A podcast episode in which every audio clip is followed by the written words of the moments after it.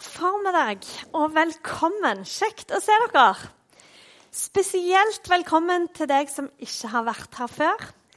Og selvfølgelig òg velkommen til deg som hører på podkast. Vi holder på med serien Tro og hverdagsliv, som er en tematisk gjennomgang av Jakobs brev i Nytestamentet.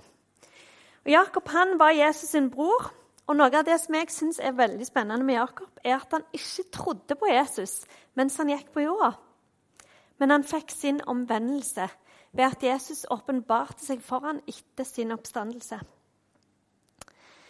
Og dette brevet er ikke, Det er ikke så mye sånn evangelielære i det, men det er veldig praktisk og etisk brev. Og det kan være ganske tydelig og til tider ganske ubehagelig. Men jeg syns det er spennende, og jeg tror vi trenger å forholde oss til det. Og I dag er vi kommet til kapittel fire, og temaet er 'Hold dere nær til Gud'. Dette kapittelet viser oss noe av hva slags virkelighet vi egentlig har å forholde oss til. En virkelighet som vi i Norge tror jeg lukker øynene og holder oss for ørene. Fordi at vi ikke ønsker å, å forholde oss til dette med Gud og djevelen. Men jeg tror det er på høy tid at vi innser, kjære nordmenn, at vi har en åndelig virkelighet. At djevelen jobber i kulissene. Og hans mål for oss Jeg tror ikke det er å få oss til å hate Gud, men jeg tror det er å få oss likegyldige i forhold til den relasjonen som Gud tenkte at vi skulle ha med han. Og Før i tida så hørte vi om svovelpredikanter. Sant? Om skremselspropaganda i forhold til himmel og helvete. Og Det tror jeg har ført oss rett over i den andre grøfta. Dette med åndelig virkelighet det snakker vi ikke om. Og hvem taper på det? Jo, det er oss, det. Hvis ikke vi på en måte innser at det, eh, vi har behov, og det er nødvendig for oss å holde oss nær til Gud Hvis ikke vi lever overgitte liv, så gir vi rett og slett djevelen større spillerom. For vi leker ikke butikk. Og vi ser hvordan han opererer i skapelsesfortellingen. Er det så farlig? Har Gud virkelig sagt? Og uten overhodet sammenligning. Far min, som er her i dag, han er en klok og god mann. Og jeg er utrolig glad i ham på alle måter. Han er veldig på tilbudssida til å hjelpe oss eh, med logistikk og det vi trenger hjemme. Og For en stund siden så kom han på det at han skulle, hadde lyst til å ha klar middag til oss når vi kom hjem fra jobb. Og det er jo fantastisk å komme hjem til ferdig middag. Det er bra. Så vi ble enige om det, at Toro sin sånn, familie var en god plan. Jeg var ikke like overbevist når jeg kom hjem. For da hadde altså min gode, kloke far sett på Toro sin oppskrift og sett sånn Nei, her er det for meg væske. Jeg tror jeg fjerner halvparten. Så resultatet ble ganske hardt og tørt og med risiko for både plomber og tenner. Og vi ler av det nå. Men jeg tror at denne tanken er veldig overførbart i vårt eget trosliv. For vi leser i Bibelen, vi ser hva Jesus sier, men tenker gjerne og handler på denne tanken. Men jeg vet best. Jeg tror jeg har en mye lurere plan en mye bedre og mer spennende vei. Ikke sant? Vi skal lese fra Jakob 4, 4-8. Der står det Den som vil være verdensvenn, blir Guds fiende. Eller mener dere at det er tomme ord når Skriften sier med brennende iver gjør Gud krav på den ånd han har latt bo i oss? Men nåden han gir, er større. Derfor heter det Gud står de stolte imot, men de ydmyke gir han nåde. Så vær da lydige mot Gud. Men står djevelen imot, så skal han flykte fra dere. Hold dere nær til Gud, så skal han holde seg nær til dere. Og I begynnelsen av dette kapittelet så ser vi veldig tydelig eh, melding på hva vennskap med verden fører til. Fiendskap mot Gud. Og For å forstå denne, som, dette som ser ut som litt sånn svart-hvitt-tenkning, så tror jeg vi må se litt mer på hvem er Gud For Gud er hellig. Og det betyr satt til side, opphøyd, ren. Sant? Han tåler ikke synd. Han er rettferdig, og hans person kan ikke kombineres med det som er synd. For hva hadde skjedd hvis Gud begynte å se mellom fingrene på synd? Hvis han begynte å tolerere visse former for synd? Hadde han vært ren? Hadde han vært hellig? Hadde han vært rettferdig? Guds storhet og kjærlighet kommer ikke klart fram før det går opp for oss at han laga en plan om å redde menneskene fra å gå fortapt i vår ondskap med å sende Jesus, sånn at han kunne gjøre opp alt for alle. Og det eneste vi trenger å gjøre, det er å ta imot dette og la det gjelde oss. Så når vi tar imot den troen på Jesus som vår redningsmann, så får vi Guds ånd. Og den kan ikke blandes med verden. Den kan ikke klusses til. Den er og forblir Guds ånd i oss. Så vil vi selvfølgelig fremdeles komme til å gjøre dumme ting eh, og si dumme ting. Men forskjellen nå er at Jesus kommer som vår advokat og sier faktisk 'Jeg har tatt det på meg. Det skal ikke klusses til noen ting her.' Og Det er det vi leser i vers 5-7, som vi leste nå, nemlig at Gud gjør krav på ånden i oss. For han er hellig, han tåler ikke synd. Men nåden han gir gjennom at han sender Jesus, som har gjort opp for oss, den er enda større. Og det er på bakgrunn av dette at Jakob sier, 'Så vær da lydige mot Gud'. Og Ofte i vår tid, i vårt samfunn, så oppfattes dette verset, eller det, det med lydighet, som en diger, diger trussel mot friheten vår.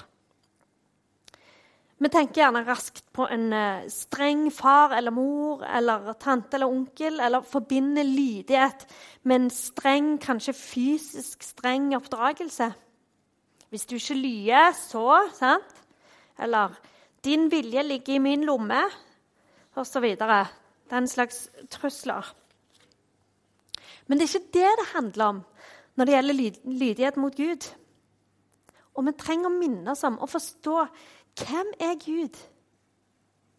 For Gud er god. Og jeg syns at David sier det så fantastisk i Salme 145, vers 16. Da sier han, 'Du åpner din hånd og metter alt som lever, med det gode'. Sånn er Gud. Han åpner sin hånd og metter alt som lever, med det gode. Han er den gode hyrden. Han tar vare på oss og vil beskytte oss. Han er kjærlighet. Han er det som er godt og bra. Han vet hvorfor det er lurt å bruke all væsken i lasagnen, selv om det høres mye ut i våre ører. Han har oversikt. sant? Han vet veldig godt hva som er bra for oss. Han vet veldig godt hva som kan skade oss. Og når ble det en trussel mot friheten og det som er godt? Å være lydig mot godheten sjøl, mot kjærligheten sjøl, Gud. Er det noen det er verdt å være lydig mot, så er det kjærligheten sjøl. Det å overgi seg til Gud, å være lydig mot Gud, gjør at denne friheten blir tilgjengelig. I søndagsskolen i fjor så var temaet for hele året det var opp-ned. Da de skulle se på de forskjellige på en måte Guds rike-reglene, som er litt sånn opp ned i, i, vår forståelse, med at de siste skal bli de første, osv. Og, så og i dag sånn Altså, du underordner deg og får frihet. Sånn? Når vi underordner oss Gud, så vil vi oppleve hva frihet virkelig er. Og vi vil stå støtt på det som er Guds ord og vilje. Og der er det seier. Men vi her i Vesten, vi her i Europa, i Norge, Stavanger, vi trenger å komme ut av denne dvalen og få øynene opp for at det er en åndelig virkelighet. Den onde er ikke veldig interessert i at vi skal holde oss nær til han.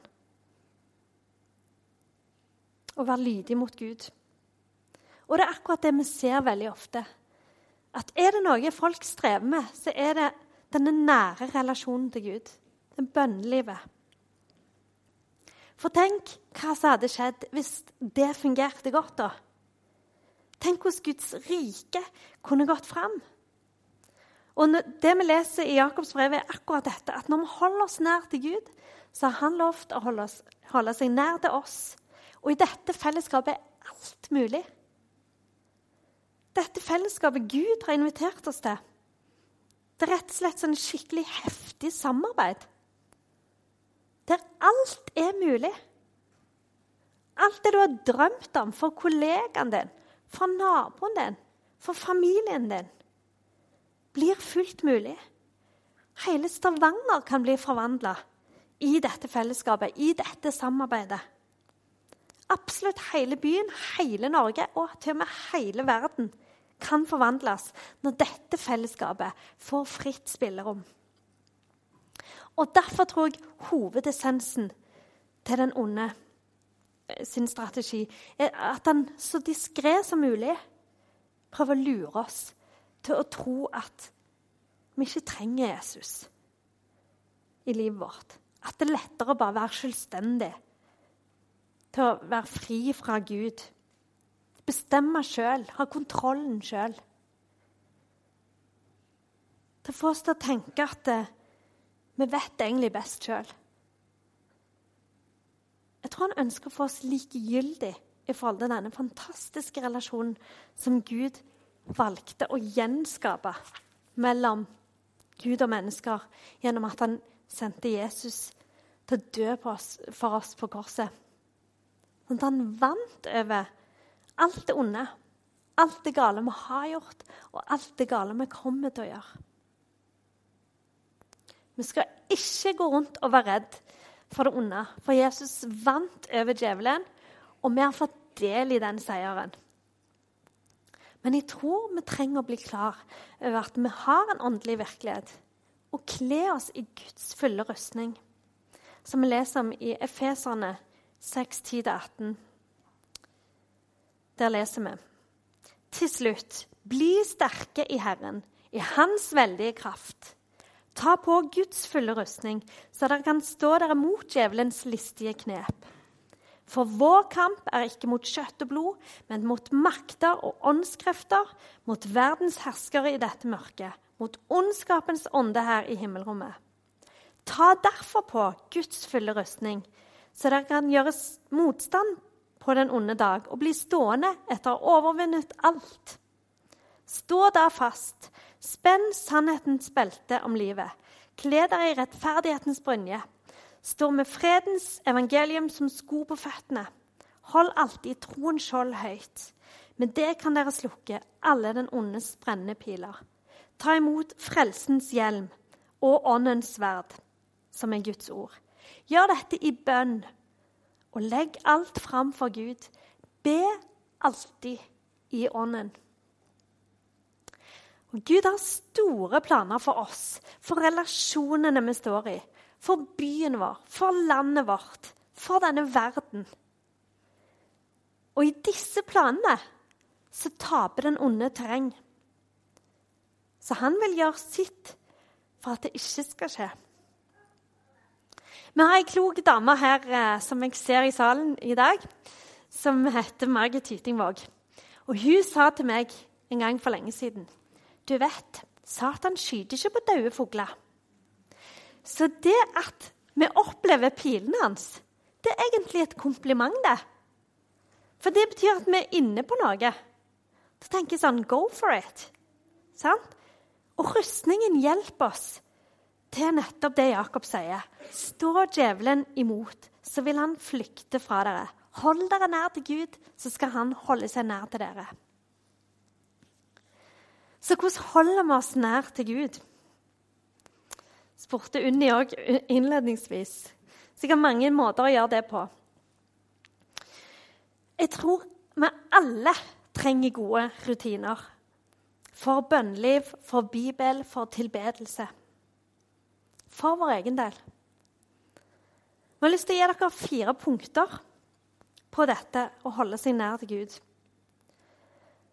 For det første Og dette, de punktene kan dere gjerne notere. Eh, du som har barn, du som har familie. Begynn i dag å lage gode rammer og rutiner for familiens gudsliv. Sånn at dine barn og du sjøl òg kan vokse opp og stå sterkt i troen. I 5. Mosebok 6, 5-7 så leser vi Du skal elske Herren din Gud av hele ditt hjerte, av hele din sjel og av all din makt. Disse ordene som jeg pålegger deg i dag, skal du bevare i ditt hjerte. Du skal gjenta dem for dine barn, snakke om dem når du sitter i ditt hus, når du går på veien, når du legger deg, når du står opp. Cirka alltid. sant? Så gi dette videre til ungene. Lag gode rutiner.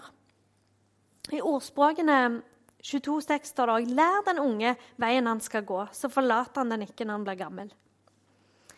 Den beste investeringen vi gjør på jorda, tror jeg, er å lede ungene våre, barnebarn, tantebarn, onkelbarn og andre barn og unge du har eh, en relasjon til.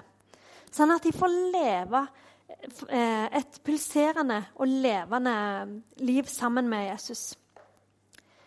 Det er en studie av George Barna som viser at 80% bestemmer seg for å tro før de er 21 år.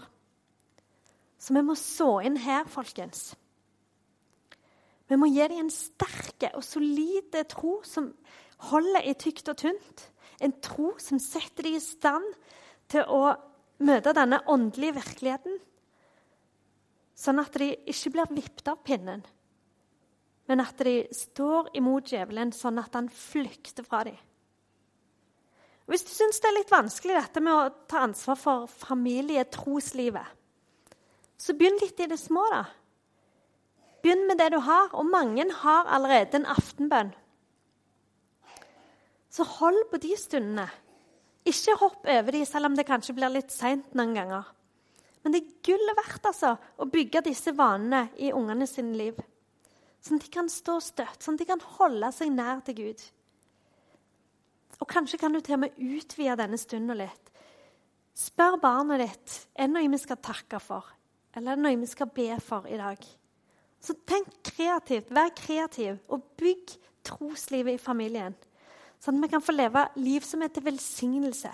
Sånn at vi får se troa komme fram i handling og få ringvirkninger. Det neste punktet er for vår egen del. da. La gode rammer for eget gudsliv. Da tror jeg at vi først av alt må begynne å innse at vi faktisk trenger og har behov for på en eller annen måte å være sammen med Gud. Vi må kutte med løgntanken om at vi klarer alt sjøl.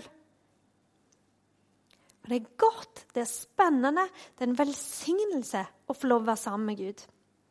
Og Måten å holde oss nær til Han på er å lage tider og stunder til det. En del eh, liker gjerne å stå opp tidligere for å få tid til å lese Bibelen og be. Andre bruker tida i, i bilen, eh, mens andre igjen bruker tida når de går tur. Et annet konkret tips jeg vil ta med her, det er På torsdagen ble det nevnt her i stad. Fra åtte til ni på kvelden så har vi Plan B, der vi søker Gud i bønn og lovsang for menigheten og for byen vår. Så det er òg en måte. Og alle disse Det er mange muligheter her til å holde seg nær Gud. Men alle disse hjelper oss til nettopp det. Til å klare å leve nær til Gud, til å holde oss nær til Han. Og da står det at Han holder seg nær til oss. Og i denne relasjonen her så er alt virkelig mulig. Så det er utrolig spennende Neste punkt er La Gud få være Gud i livet vårt. La Han få siste avgjørelsen i hvordan vi lever livene våre, hvordan vi behandler hverandre, hvordan vi snakker til hverandre, hvordan vi møter hverandre. I min spede ungdom så gikk mange med sånne armbånd der det sto 'What would Jesus do?' De fins ennå, vet jeg. Men uh, hva ville Jesus gjort? Sant? Som en påminner om hva ville egentlig Jesus gjort nå i enhver situasjon som vi er i. La oss leve sånne overgitte liv, og ikke tenke at du vet bedre enn Toro hvor mye væske det skal være i lasagnen. Ikke tenk at du har bedre oversikt enn Gud. Men la han få det siste ordet i både de store og de små avgjørelsene. Jeg er så heldig at jeg får lede formiddagstreffet her i menigheten. Og På formiddagstreffet så har jeg en favorittsang. Og det er 'Hvilken venn vi har av Jesus'. Og Noe av teksten i den er sånn Ark, men titt vår fred forstyrres. Sorg og møye blir vår lønn. Blott fordi vi ikke bringer alle ting til Han i bønn. Med andre ord ta med alt til Jesus. Søk hans råd i alle ting, sånn at vi kan få lov til å leve i den freden og gå i hans enorme gode vilje for våre liv. Det siste punktet jeg vil nevne, er la oss bruke Guds fulle rustning. Mye mer aktivt enn det vi gjør. På søndagsskolen nede på Småstein, det er den mellomste gruppa, der pleier ungene å stå i ring på slutten, og så ber de velsignelsen. Og så etterpå så kler de seg i Guds fulle rustning. Så tar de sannheten, så gjør de bevegelser. Sannhetens belte, rettferdighetens brynje, sant? frelsens hjelm, fredens evangelium som sko på føttene, troens skjold og åndens sverd. Så gjør de det. Og sånn tror jeg vi voksne kan gjøre mye mer aktivt at når vi står opp om morgenen og kler på oss allikevel, så kan vi òg tenke at vi kler på oss Guds fulle røstning.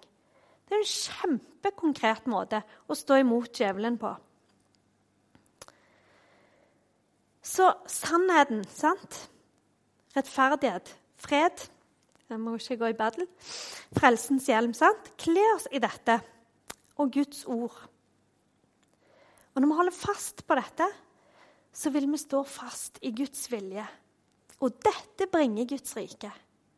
Guds vilje og Guds rike hører sammen. Guds vilje og Guds virkelighet der det er seier. Og i bønn er vi sterke. Det er det mektigste med våpenet vi har i møte med verden og i møte med den åndelige virkeligheten. Jeg har hørt en si for lenge siden hadde vi kristne visst hvor mye makt det var i bønn, hadde vi sett hva som skjedde i den åndelige virkeligheten når vi ba, så hadde vi ikke gjort noe annet. For når vi holder oss nær til Gud, så vil Han holde, oss, holde seg nær til oss. Og da er det virkelig ikke grenser for hva som kan skje. Hva drømmer vi om for byen? For de menneskene vi har rundt oss? Det å holde seg nær til Gud, det er et kall vi har fått av Gud. Men det er òg en enorm nøkkel til å se Guds rike gå fram i denne byen. Johannes 10,10 har jeg lyst til å minne om på slutten. Der det står at tyven kommer bare for å stjele, drepe og ødelegge. Men jeg er kommet, Jesus er kommet, for at vi skal ha liv og overflod. Han vil oss det beste. Han vil eh, de, de vi har eh, relasjoner til, naboene våre, kollegene våre, familien vår, han vil de òg det beste. Han har liv og overflod for de rundt oss, for denne byen, for landet vårt. Og jeg kjente når jeg forberedte denne talen, så kjente jeg spesielt på at jeg skulle utfordre deg som kjenner på en sånn kamp i forhold til bønnelivet. Så da vil jeg bare gi utfordringen. Jeg, etter, etter velsignelsen så sitter jeg her framme. Så hvis du vil, så kan du komme fram, og så kan jeg be en bønn for deg. hvis du kjenner på en sånn kamp om bønnelivet ditt. Eller så har vi bønnerom ned trappa, den første døra ned trappa, der det er forbedere og, eh, som vil be sammen med deg, for deg. Så bruk gjerne det òg. Skal vi be? Himmelske Far, takk for at du har liv og overflod for oss. Takk for at du har vunnet seier. Takk at vi skal få slippe å gå og være redde. Takk for at vi kan få legge alle ting i dine hender. Hjelp oss, Gud, til å se det at du har eh, gode tanker for oss. At det å få lov å leve i lydighet til deg og leve overgitt til deg, det gir en frihet, Herre, og det ja, bringer ditt rike, Herre, og din vilje der som vi er. Jeg ber om at du skal tale til oss, Herre.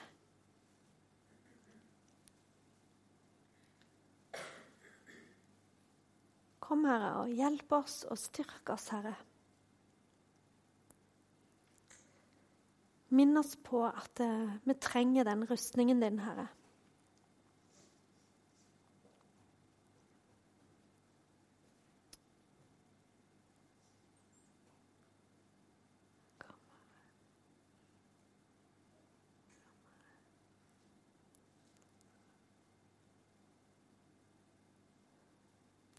Jeg ber om beskyttelse for uh, disse bønnelivene våre.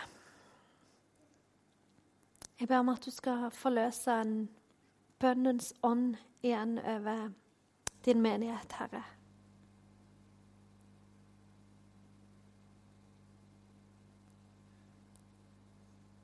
At vi skal få lov å være de levende fuglene som er verdt å skyte på, Herre.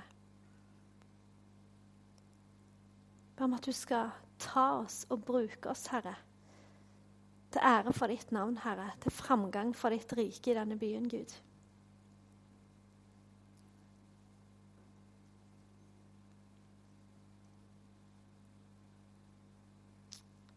Kom og vær nær oss. Jeg ber i Jesu navn. Amen.